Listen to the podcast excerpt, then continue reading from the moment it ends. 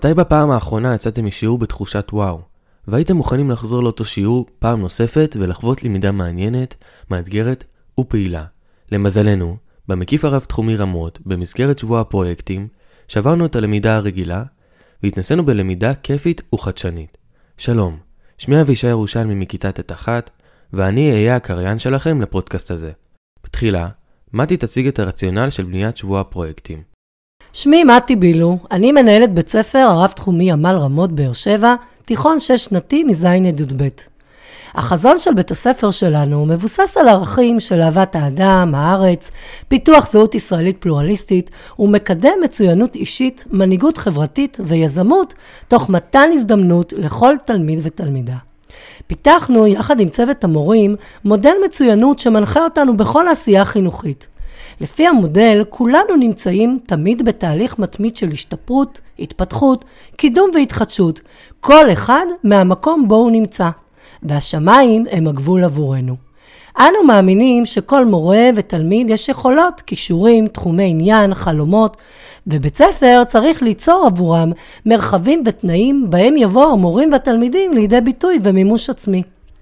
לאור השינויים הטכנולוגיים החברתיים המתרחשים סביבנו, אנו נמצאים במצב של אי נחת, ומנסים לשנות כל הזמן תהליכי למידה, הוראה והערכה, על מנת להיות רלוונטיים ומותאמים למאה ה-21, ולכן אנו מקדמים, יחד עם הצוות החינוכי, תהליכים פדגוגיים חדשניים. כחלק מפיתוח לומד עצמאי ומיומנויות חקר, בעיקר שיפור של אוריינות בשפה, קריאה, כתיבה והבנה, בחרנו לקיים שבוע פרויקטים. למידה אחרת למידה שמבוססת פרויקטים ומקום. שברנו את מערכת הלימודים הרגילה, פרצנו את גבולות הכיתה, הזמן והמקום, ומערכת הלימודים החדשה, הגמישה, שבנינו, כללה כל בוקר שיעורי חינוך ערכיים, והסתיימה בשיעורי משוב ורפלקציה. במהלך היום שילבנו סדנאות והרצאות מעוררי השראה שהמורים הכינו לכל התלמידים בתחומי עניין שונים הקרובים לחיי התלמידים, כמו כישלון כמרכיב משמעותי בדרך להצלחה, נדידת ציפורים, כלים להתמודדות עם אתגרי גיל ההתבגרות ועוד. בשאר השעות התלמידים בחרו נושא, חקרו, למדו, ובסוף הכינו פרויקטים ותוצרים שונים. ביום האחרון של שבוע הפרויקטים ערכנו תערוכת פרויקטים ותוצרים מרהיבה, ותלמידים הציגו בפני חבריהם את התוצרים. בשבוע הזה שמנו דגש על מיומנויות של עבודת צוות, פרזנטציה, חקר ויצירתיות. הלמידה התבצעה במרחבים השונים, בכיתה, בחצר, בשכונה, וסיורים באזור. זו הייתה חגיגה פדגוגית מיוחדת. יצאנו מאזור הנוחות וחווינו תהליכים של למידה פעילה מתוך סקרנות בקרב המורים והתלמידים. וכעת נציג שלושה פרויקטים משובחים ומטריפים. ואם אתם לא מאמינים, תשפטו בעצמכם. האזנה נעימה. פרויקט מספר 1 היי, שמי עופר ואינני מנחה את קורס אמירים שוק ההון. במסגרת שבוע הפרויקטים ניתנה לתלמידים הזדמנות מעולה לחקור לעומק את תחום ההשקעות ולהגיע לתוצר ראוי בהתאם למודל בתוכנית אמירים מטעם האגף למחוננים ולמצטיינים. השואף להנחיל ולהוביל תרבות בה מצוינות היא ערך מרכזי. הלמידה במהלך השנה, ובדגש על שבוע הפרויקטים, היא בלתי שגרתית, מאתגרת ומלאת חוויות המעשירות בידע נרכש ויצירת ידע חדש. תודה מיוחדת לתלמידים, קבוצה שהדגישו שעות רבות מעבר לשעות הנמנדות על מנת להעמיק בתכנים, בטוח כי בעבורכם ובעבורי הייתה זו חוויה מעשירה ומעניינת. שלום, שמי דניאל מגן, מכיתה ט'1. ואני יניר אתון, וארצה לספר לכם על הפרויקט שלנו. הפרויקט ניסה לאחד בין שני תחומי דעת, ספרות והשקעות. הנושא המוביל היה לימוד תחום ההשקעות בראי הספרות ובהתנהלות כלכלית נבונה. במפגש הראשון, המורה אתי לוי חשפה אותנו ליצירה לשבור את החזיר, ודנו במוטיב המרכזי של ערך החיסכון בקרב ילדים. איך משמעותי נוסף ביצירה הוא ערך החברות, אשר לדעתנו חשוב יותר. בהתאם לניתוח היצירה, קבוצת תלמידי אמירים בקורס שוק ההון העמיקה בתחום תוכנית חיסכון לכל ילד, שפועלת החל משנת 2016, ומטרתה למקסם חיסכון עתידי של כל ילד בישראל. בהתאם, בחנו מסלולי השקעה שונים, בתוכנית שההורים נדרשים לבחור בעבור ילדיהם. כלומר, מסלול ללא סיכון, משמעותו ללא מניות, ועד למסלול שיכול להיות אטרקטיבי ביותר, אשר רובו מושקע בשוק ההון. לחוסכים במסלול זה ניתנת הזדמנות ליהנות מאפקט ריבית דריבית, שאלברט איינשטיין הגדיר אותו הפלא השמיני בתבל. בנוסף לחיסכון, חקרנו תחום ההשקעות. כל זוג תלמידים חקר תחום מסוים בהשקעות שקשור לעולם שוק ההון. והכנו הסכתים בערוץ הספוטיפיי. התחומים שנבחרו הם מטבעות דיגיטליים, קריפטו, מניות הפנג, NFT, שוק הנדל"ן מול שוק ההון, והסיפור, לשבור את החזיר. שבוע הפרויקטים נתן לנו הזדמנות לחוות חוויית למידה חדשנית ומשמעותית, בה עסקנו בתחומים שונים שנוגעים לחיים, ופיתחנו מחשבה חדשנית שצופה אל העתיד.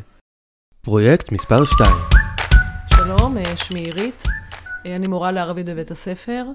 אה, בשבוע הפרויקטים בחרתי לעסוק במשהו שהוא לאו דווקא מתחום ההוראה שלי, מכיוון שיש לי גם חיבה מיוחדת לטכנולוגיה ולשילוב של כלים טכנולוגיים, ושילבתי בעצם בפרויקט דבר שעשיתי בזמנו בשיעורי ערבית, אבל לקחתי את זה למקום אחר טיפה, וזה הפרויקט של סיור וירטואלי, כאשר המטרה הייתה בעצם אה, לחקור עם אה, תלמידים שמתעניינים בנושא, ולשמחתי רוב הקבוצה שהגיעה אליי הייתה קבוצה שבחרה להגיע אליי בגלל שהנושא הזה עניין אותם. אה, חלקם עשו כבר פעם דברים קרובים לזה במקומות אחרים. ובעצם המטרה הייתה לחקור מה זה הסיור הווירטואלי, איפה משתמשים בזה, ובסופו של דבר ליצור סיור באופן עצמאי, כאשר ניצלתי את זה גם ללמד אותם כלי טכנולוגי שנקרא Thinglink, שיאפשר להם אחר כך גם אה, ליצור פרויקטים או עבודות הגשה בכל תחום לימוד אחר שהם אה, אה, יעסקו בו בעתיד. שמי מאיה מכיתה ח'1. השתתפתי בפרויקט הסיור הווירטואלי. בפרויקט ניסינו לבחון מהו בעצם סיור וירטואלי, מה היתרונות והחסרונות שיש בו, ואיך השפיעו השנים האחרונות של תקופת הקורונה על התחום הזה. יצרנו בעזרת כלי טכנולוגי שלמדנו סיור משל עצמנו, במהלך העבודה חיפשנו מקורות מידע בכדי להבין טוב יותר באילו תחומים נעזרים בטכנולוגיה הזו של הסיור הווירטואלי. מצאנו שמשתמשים בה בתחומים רבים כגון חינוך, תיירות, נדל"ן, שיווק ורפואה. הבנו שבעצם הטכנולוגיה הזאת היא אולי הצעד הבא שיאפשר להנגיש מידע וחוויות מרחוק לכל אחד. ואני ליאור מכיתה ח'4. הפרויקט של הסיור הווירטואלי שילב בתוכו חקר של תחום שמעניין אותי, ולימוד של כלי טכנולוגי שנקרא ThingLink, שבאמצעותו יכלנו בסופו של התהליך ליצור תמונה רבודה, שעליה הטמנו את הסיור הווירטואלי האישי שכל אחד יצר, רובנו בחרנו ליצור את הסיור שנוגע יותר לתחום התיירות. חיפשנו מידע שנראה לנו רלוונטי ליעד שבחרנו כגון סרטונים, קטעי מידע, תמונות, כתבות וכדומה. ולאחר שמיינו ובחרנו במה להשתמש, הטמנו את המידע הזה על התמונה הרבודה בעזרת כל הפונקציות שיש ל ThingLink להציע. את התוצר הסופי הצגנו בעזרת הקישור ו-QR קוד שיצרנו לתמונה הזו. פרויקט מספר 3 שמי גדי בשיר, אני מלמד כאן אה, תרבות ישראל, היסטוריה, אזרחות, השכלה כללית. אה, והנושא שאני בחרתי לשבוע, למידה מבוססת על פרויקטים הוא ישראל הראשונה וישראל השנייה בין עושר לעוני. ישראל הראשונה מזוהה עם ההגמוניה התרבותית, הפוליטית והמשפטית שמאכלסת ברובה אשכנזים, בעלי נטיות מרכז ושמאל. בעוד שישראל השנייה מזוהה עם הציבור המזרחי ונוטה לתמוך בדרך כלל בליכוד, מפלגות הימין. בחרתי בנושא משום, א', שהנושא מאוד מאוד קרוב לליבי, ב', התלמידים שלנו לא מכירים את הנושא, את הפן החברתי שמבטא הנושא, וביקשתי לחשוף את, את התלמידים לאחת מהסוגיות הלא פשוטות בחברה הישראלית, הקרועה והשסועה. ג', לנסות דרך סיור בשתי שכונות בעיר, שכונת ד' ורמות, שמבטאות את הפערים ואת ההבדלים, ואף את השסעים הקיימים בחברה הישראלית. ד', לנסות להעלות רעיונות, פתרונות לצמצום הפערים הקיימים שבין ישראל הראשונה לישראל השנייה, כפי שהתלמידים נחשפו בשכונות. במהלך השבוע חילקנו את הנושאים בעיקר לסיור בשטח, בשכונת רמות ובשכונת אה, ד' צפון, כאשר לפני כן איזושהי הכנה תיאורטית דרך אה, צפייה בסרטונים, האזנה אה, לאנשים שנוגעים בנושא.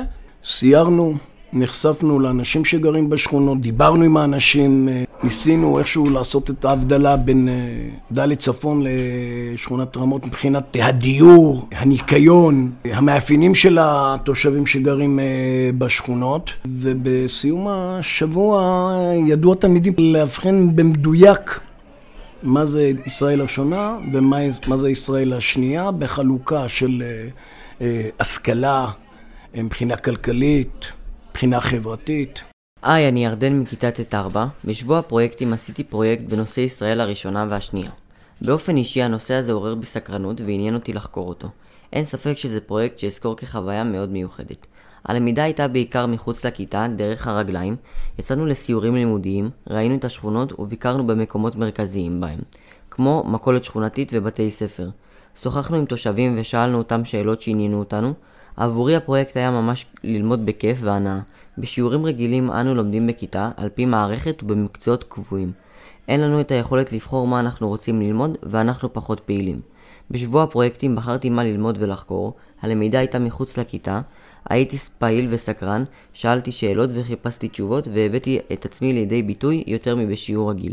הייתי רוצה שכל השיעורים יהיו כאלה. מקווה שנהניתם מהפודקאסט, ונתראה בשבוע הפרויקטים בשנת 2023. On my